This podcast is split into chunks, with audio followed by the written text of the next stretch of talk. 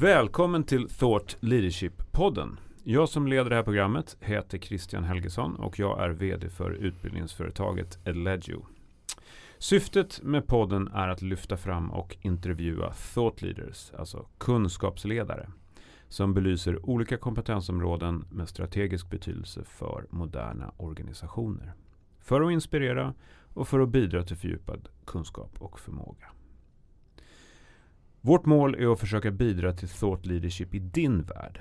Oavsett om det handlar om utvecklingen av dig själv som professionell individ eller utvecklingen av ditt team eller din organisation. I det här avsnittet så ska vi prata om kundinsikt. Alltså hur vi som organisationer bättre kan utgå ifrån kundernas behov och öka vår insikt i våra kunders verkliga utmaningar. Många pratar om betydelsen av kundinsikt i sina företag och organisationer. Inte minst i affärs eller produkt och tjänsteutvecklingen. Men påfallande ofta så tas utgångspunkten i den egna lösningen istället och inte i insikten om kundernas verkliga behov. Och Det här får till följd att ganska många affärsutvecklingsprojekt och många produkter och många tjänster får svårt att lyckas. Eftersom de kanske snarare bekräftar leverantörens egen syn på vad som är den bästa lösningen på ett problem. Snarare än att ta utgångspunkt i vad kunden behöver åstadkomma eller lösa. Och för att diskutera den här frågan så har Thought Leadership-podden bjudit in Anders Ångström som är konsult med lång erfarenhet från kundfokusutmaningar inom B2B-området och arbetat mycket med produkt och erbjudandeutveckling och marknadsföring och försäljning. Varmt välkommen hit Anders. Tack Christian. Superkul att ha dig här. Du, inledningsvis, berätta om dig själv. Vem är du eh, professionellt?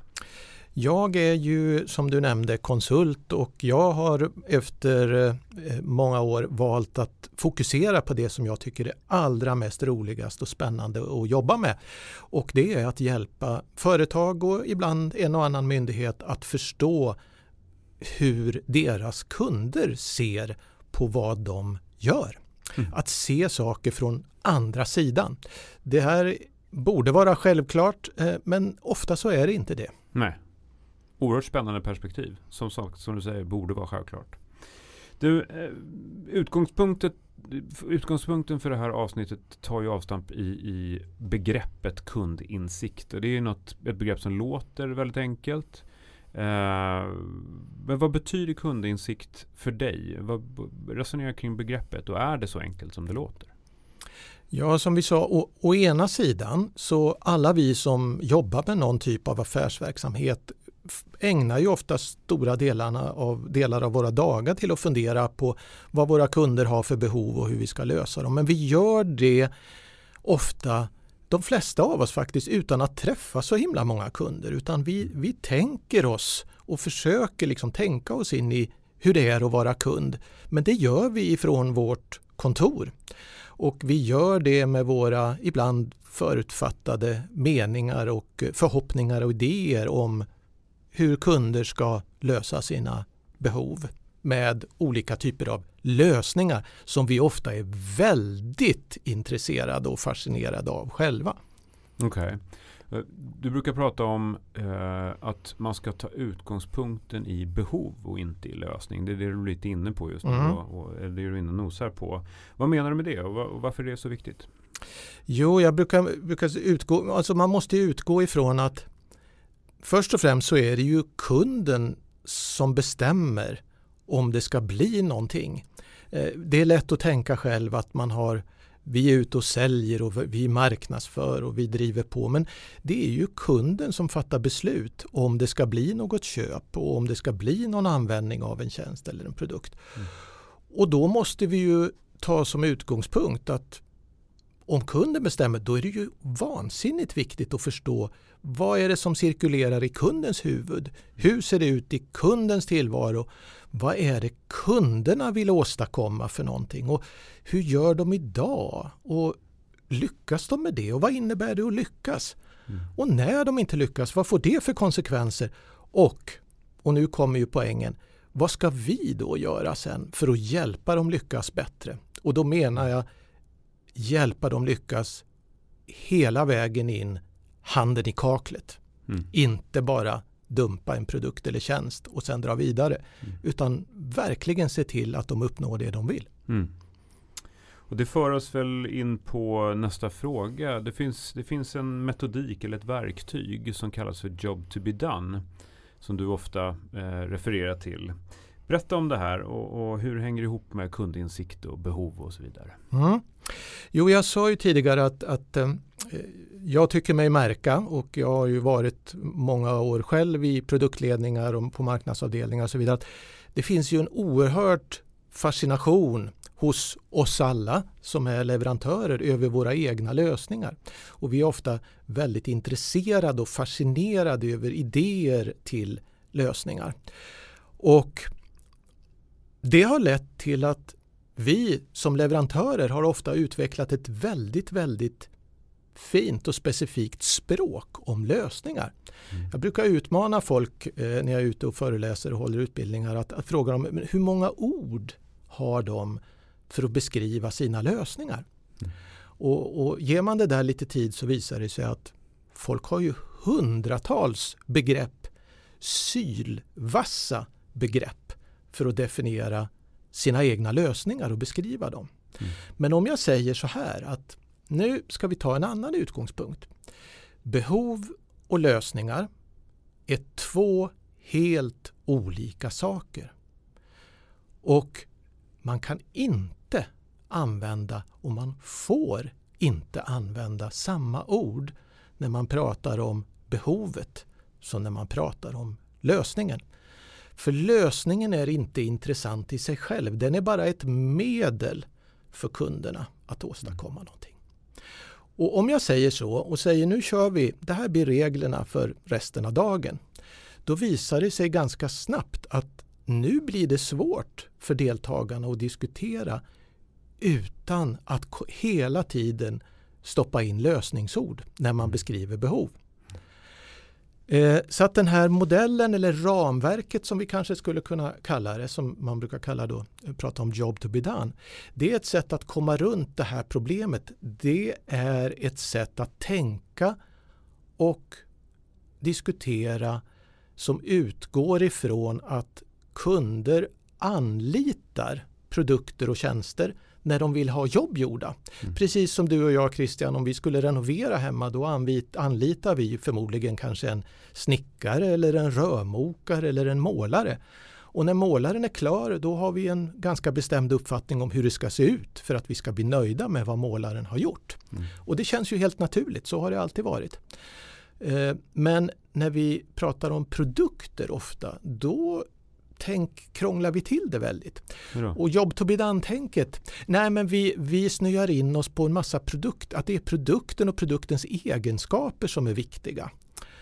Eh, och det blir ofta galet, framförallt när man ska utveckla någonting eller kommunicera eller marknadsföra eller sälja någonting. Om man, om man gör det utifrån egenskaper. Men om vi backar tillbaka så säger vi så här att ja, kunden anlitar alltså en laptop för att få ett jobb gjort kunden anlitar ett CRM-system för att få ett jobb gjort.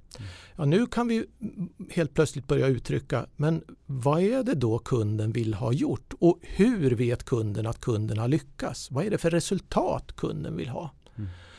Och hur gör kunden idag? Och när vi tittar på hur kunden gör idag och vi vet vad, kund, hur, hur kunden vill lyckas med, går det bra eller går det inte bra? Och om det visar sig att det inte går bra, vad är det då som kommer i vägen?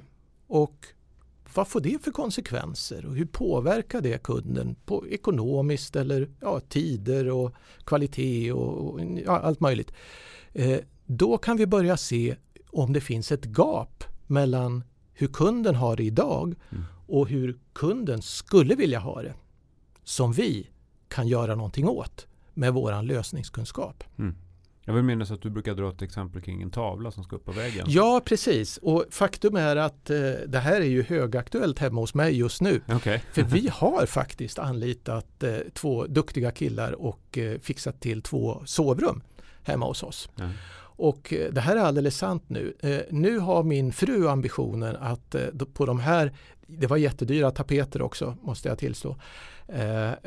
nu vill min fru att, att jag ska sätta igång och borra i de här väggarna och sätta upp en massa saker. Det ska upp gardinstänger, det ska upp tavlor och grejer. Mm.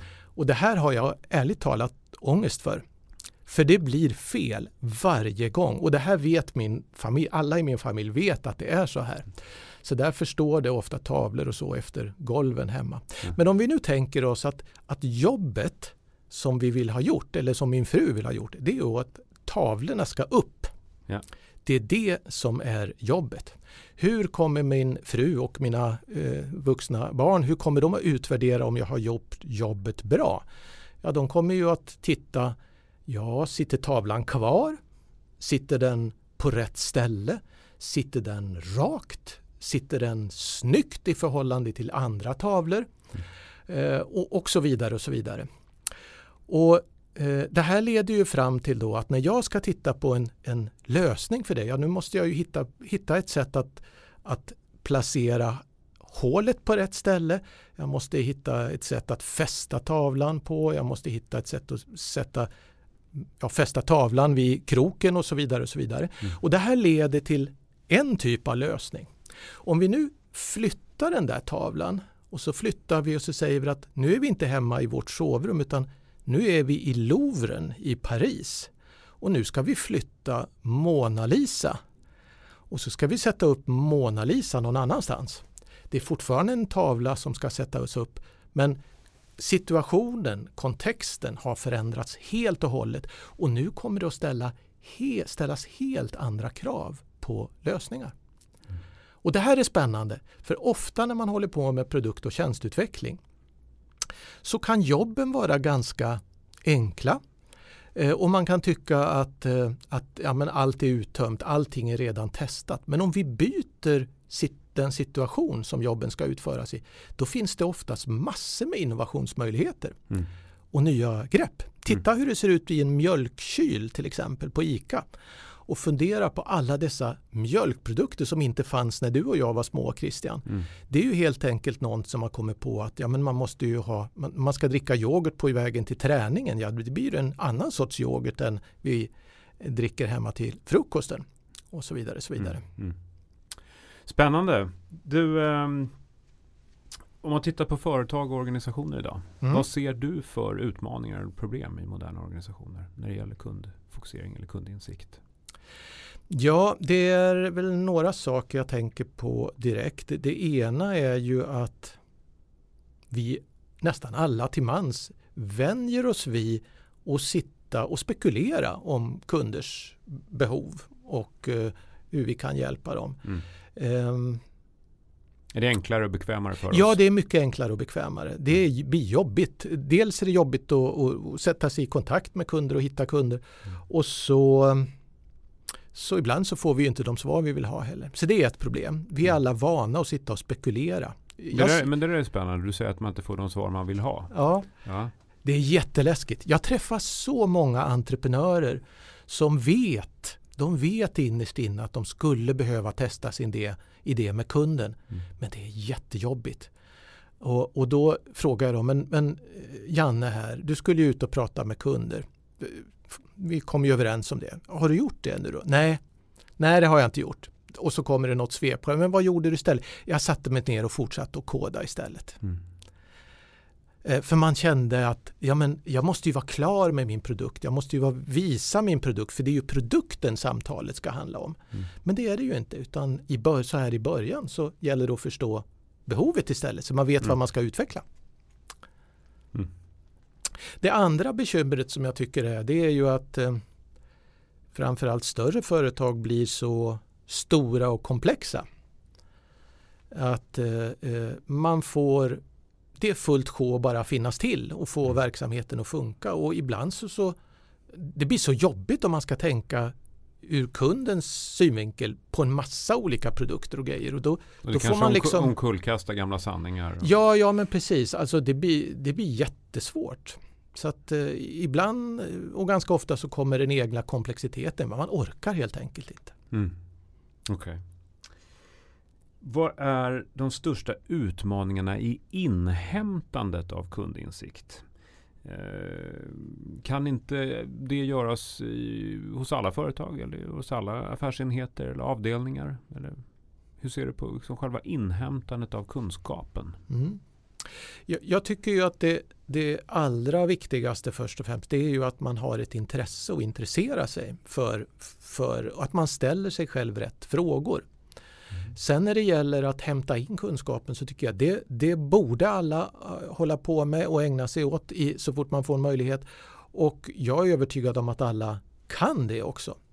Eh, men det är inte alltid så lätt därför att eh, frågan är vem på firman är det som ska tala med kunderna och, och får jag tala med vilken kund som helst eller måste jag mm. kolla med någon säljare? Ofta är det så att man vill inte att vem som helst från ett firman ska ut och prata med kunderna utan då måste du kolla med en säljare först och så vidare. Så att, mm, eh, det är inte alltid så lätt även när någon vill. Mm. Men, men vi tycker att fler måste och bör och ska eh, ges möjlighet att prata med kunder. Men och hur ser du på själva tekniken? Alltså kundinsikts... Eh, alltså att, att, ta in datan så att säga. Mm. Vad är det för typ av metodi, olika metodiker man använder sig av i olika situationer? Mm. Eh, hur ser du på det? Väldigt många tänker att ja, men vi skickar ut en enkät. Eh, mm. Det blir ju jättebra och det blir toppen för då får vi siffror och siffror är bra för siffror är sanna och då kan vi jämföra och så ser vi vad som är bästa alternativet och så vidare. Mm. Vi brukar säga att siffror är toppen och kvantitativa undersökningar som man säger det är jättebra. Men det, vi behöver bygga dem på en grundförståelse av varför kunderna gör som de gör och varför de efterfrågar de saker de gör. Och, och i vilken utsträckning de lyckas. Och då tycker vi att man ska, man ska börja med att prata med sina kunder. Mm. Eh, och de som man skulle vilja, vilja rikta sig till helt enkelt. Så vi, att, att ut och prata med kunder är jätteviktigt och, och då inte prata om sig själv och sina lösningar. produkter och lösningar.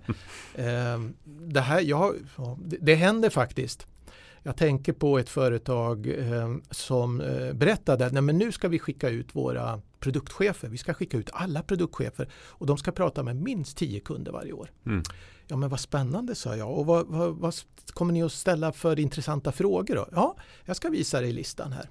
Och nu överdriver jag lite, en liten aning, men i princip så stod det vad tycker du om oss och vårt varumärke? Vad tycker du om våra produkter och tjänster? Vad tycker du om vår kvalitet? Vad tycker du om vår kommunikation? Allting mm. handlade om dem själva. Mm. Och då blev jag lite trött. Mm. Det var liksom inte det du hade tänkt? Nej. Nej, då får man inte in så mycket kundinsikt på det kanske. Nej. Eh, en annan spännande fråga är ju när, som vi var lite inne och nosade på alldeles nyss egentligen. Men alltså när man plockar in kundinsikt och så gäller det ju inte minst i, i organisationer med lite legacy eh, att ska man få gehör för det här mm. och så ska man eh, försöka implementera de här förändrade kundkraven som kanske har förändrats sedan den dag man satte organisationen eller produkterna. Eh, och, och eh, man sitter på en, en verksamhet som historiskt har varit väldigt framgångsrik. Eh, och så behöver man göra förändringar. Eh, och det är ju inte helt enkelt. Nej, det är det verkligen inte. Vad är dina tips för att lyckas med det? Eller hur tänker, ni, hur tänker du kring, kring den utmaningen? Jag tänker att det är viktigt att vara realistisk även om man har höga, höga ambitioner. att det, det, är klart alla vi, nu måste vi alla jobba utifrån kundens perspektiv. Och så, så är det en stor förändring. Och det är lätt att man eh, eh kanske siktar lite för högt och blir besviken över att det blir motstånd eh, av olika anledningar. Då säger jag börja med en sak först. Börja med ett projekt, en satsning och se hur skulle ni kunna jobba utifrån och in där. Och mm. gör ett ordentligt jobb där. Och sen lär er av det. Mm. Vad, vad var det som gick bra? Vad kan vi göra bättre? Och sen utvidga det här till en projekt, en produkt till. Mm. Som ringarna på vattnet. Mm. Påminner om det gamla talesättet Think big, act small, start now. Ja, mm. börja. Börja helt enkelt. Du, eh, och de viktigaste egenskaperna för en organisation som vill bli mer kundfokuserad. Vad, vad, vad ska man tänka på då?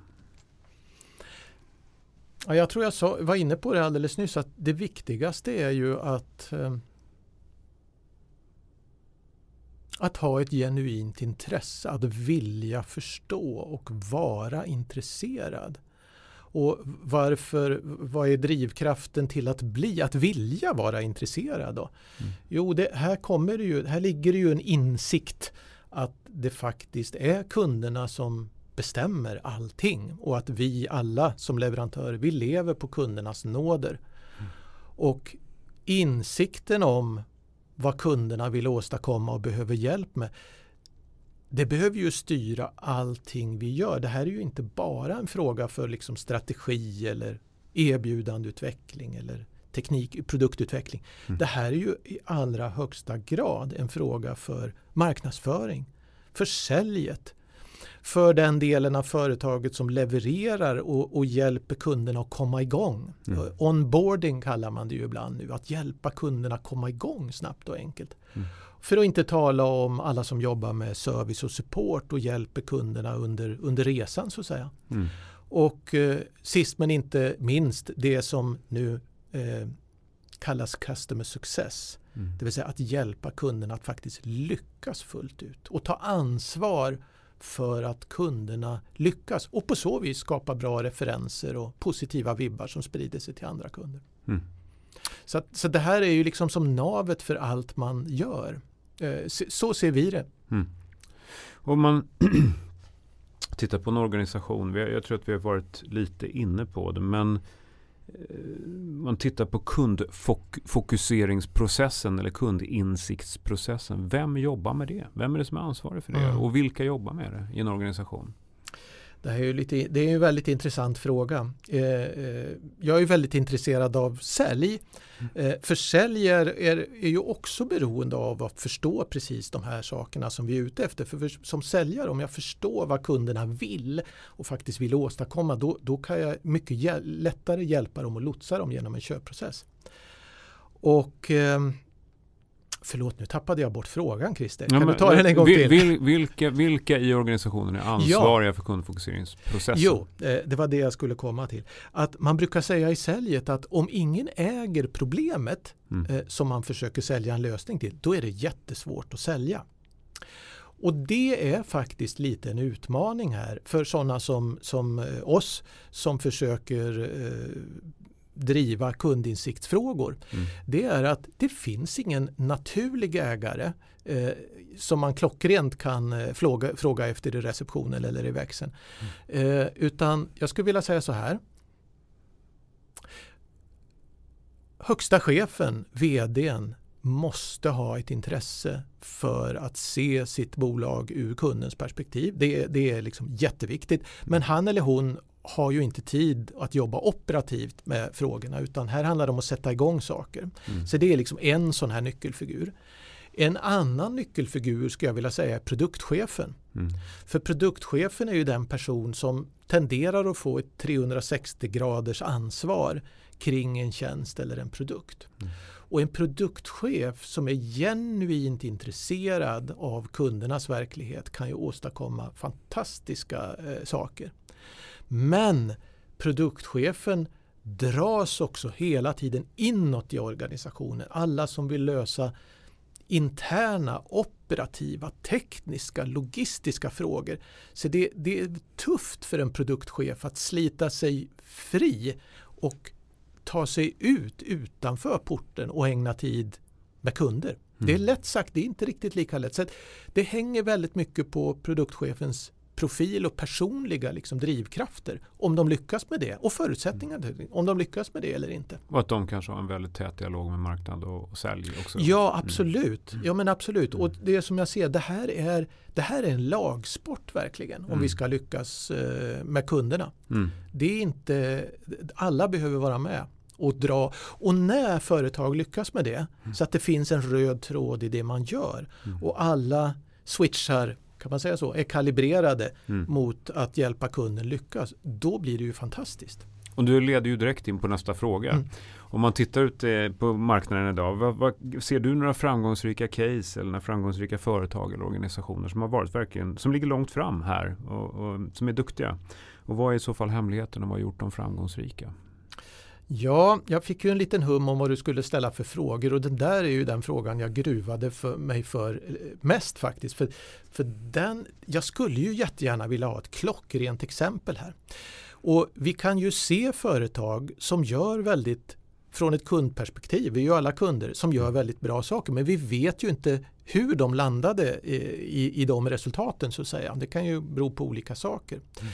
Vad jag tycker mig märka då för att svara som en politiker det är ju dock att ju större organisationer ju svårare är det att lyckas med de här sakerna. Och det är helt enkelt som vi sa att ju mer strängar man har på sin lyra ju svårare är det att ha fokus på de här frågorna. Eh, och jag tror nämligen att fokus är nyckeln. Och eh, se exempel då på när, under vilka förutsättningar företag kan fokusera. Då börjar det, det dyker upp allt fler bolag som man kallar, ni, ni vet, man brukar ju prata om eh, B, eh, business to consumer och business to business. Mm. Eh, det, man pratar D2C, direct to consumer. Och där finns det en massa exempel på företag som har plockat upp, de har sett en produkt som de tänker det här skulle vi kunna göra bättre. Eller de har sett en typ av köpupplevelse som de har sagt det här är alldeles för krångligt för kunderna. Det här kan vi göra bättre. Och så bygger de ett bolag och en verksamhet kring en enda sak. Mm. Och så ställer de in alla rattar eh, efter att göra både lösningen och upplevelsen så bra som möjligt för kunden. Du har ju glasögon Christian. Mm. Eh, du sa att du hade skaffat dem alldeles ganska nyligen. nyligen ganska ja. nyligen ja. I USA så finns det ett bolag som heter Warby tror jag. Eh, jo men visst är det. Warby Parker till exempel. De mm. har blivit enormt stora på glasögon. Schyssta glasögon, snygg design eh, med en jättebra köpupplevelse på nätet. De har mm. vuxit enormt. Och det finns ett antal exempel på andra bolag som har gjort samma resa och det är allt från nu är det ju, pratar jag konsumentexempel men det är mm. samma princip. Det är allt från det är byxor, det är sängar, alltså madrasser, det är skor, det är rakhyvlar. Det finns ett antal exempel där bolag har sett att alla de här etablerade spelarna, det är för mycket, det är för krångligt, mm. det är för mycket trams vi gör någonting schysst, vi gör det bra. Vi levererar det på ett sätt som är enkelt för kunden att köpa. Och det kan bli fantastiska succéer. Mm. Och då har vi ju det här fokuset. Mm. Sen kanske det är någon slags naturlag att när de börjar plocka på mer och mer och mer och mer produkter så till slut så har de också krånglat till det. Ja, exakt. Det kanske så kommer inte det går. utmanare. Så kommer det nya ja. ja. Så det här kanske är som en någon slags trädgård, vad mm. vet jag? Ja, ja exakt. Ja. Du, eh, sammanfattningsvis, eh, om man vill bli lyckosam eller framgångsrik, eh, om man då som organisation vill öka sin kundinsikt eller liksom processen kring kundfokusering eller kundinsikt. Vad är dina topp tre tips? Mm, se om jag kan hålla mig till tre. Men om jag säger som, du får som, ha fler. Ja, som nummer noll då, så skulle jag ju vilja säga att, att man måste, behöver påminna sig varje dag om att eh, det är ju ingen som behöver oss som leverantör. Det är ingen som egentligen behöver våra produkter. De är helt ointressanta i sig själva och de måste förtjäna kundernas uppmärksamhet och, och resurser. Eh, vi måste förtjäna vår rätt. Det påminner om vad en gammal kollega sa en gång i tiden. Att man ska inte överdriva omvärldens intresse för det man sysslar med. Verkligen inte. Mm. För, att, för att alla, alla som är leverantörer är ju duktiga på någonting och mm. ofta mycket bättre än kunderna. Och är man duktig då lägger man en ambitionsnivå på kundens liv som kunden inte har själv. De har fullt sjå bara få det att gå ihop. Mm. Vi tycker att de ska lägga sig på en överkursnivå och det är då vi hamnar med de här grejerna som är för stora, för dyra, för tunga, för krångliga, mm. för mycket och då mm. bryr sig inte kunderna. Så att utgångspunkten är inse att eh, det är inte jorden som är i universums centrum, det vill säga vi själva, vårt företag, våra produkter. Det är solen som är i universums centrum och ger all energi solen är kunden och kundens behov. Mm. Och, eh, det var en filosofisk inflygning till att det första som vi behöver göra med den insikten i ryggen det är att börja ställa oss själva de här frågorna. Eh, kanske med hjälp av Job to be done eller spinn eller något annat sånt här verktyg med bra frågor. Börja fråga oss varför gör vi det här? För vem? Och, och, och vad är det vi ska hjälpa någon lyckas med? Och hur då? Eh, om man bara börjar där och så börjar under vardagliga alltså möten på jobbet, man börjar ställa sig de här frågorna. Då har man kommit ett gigantiskt kliv för då har vi flyttat perspektivet. Så att det är nummer ett. Nu börjar vi få ett annat perspektiv. Nummer två skulle jag vilja säga det är ju att inte stanna då i konferensrummet eller bakom Teamsmötet så att säga, eh, mm. eh, som det är nu. Utan att inse att vi kan inte sitta och hitta på och spekulera om det här. Vi måste ju ta reda på hur det verkligen är.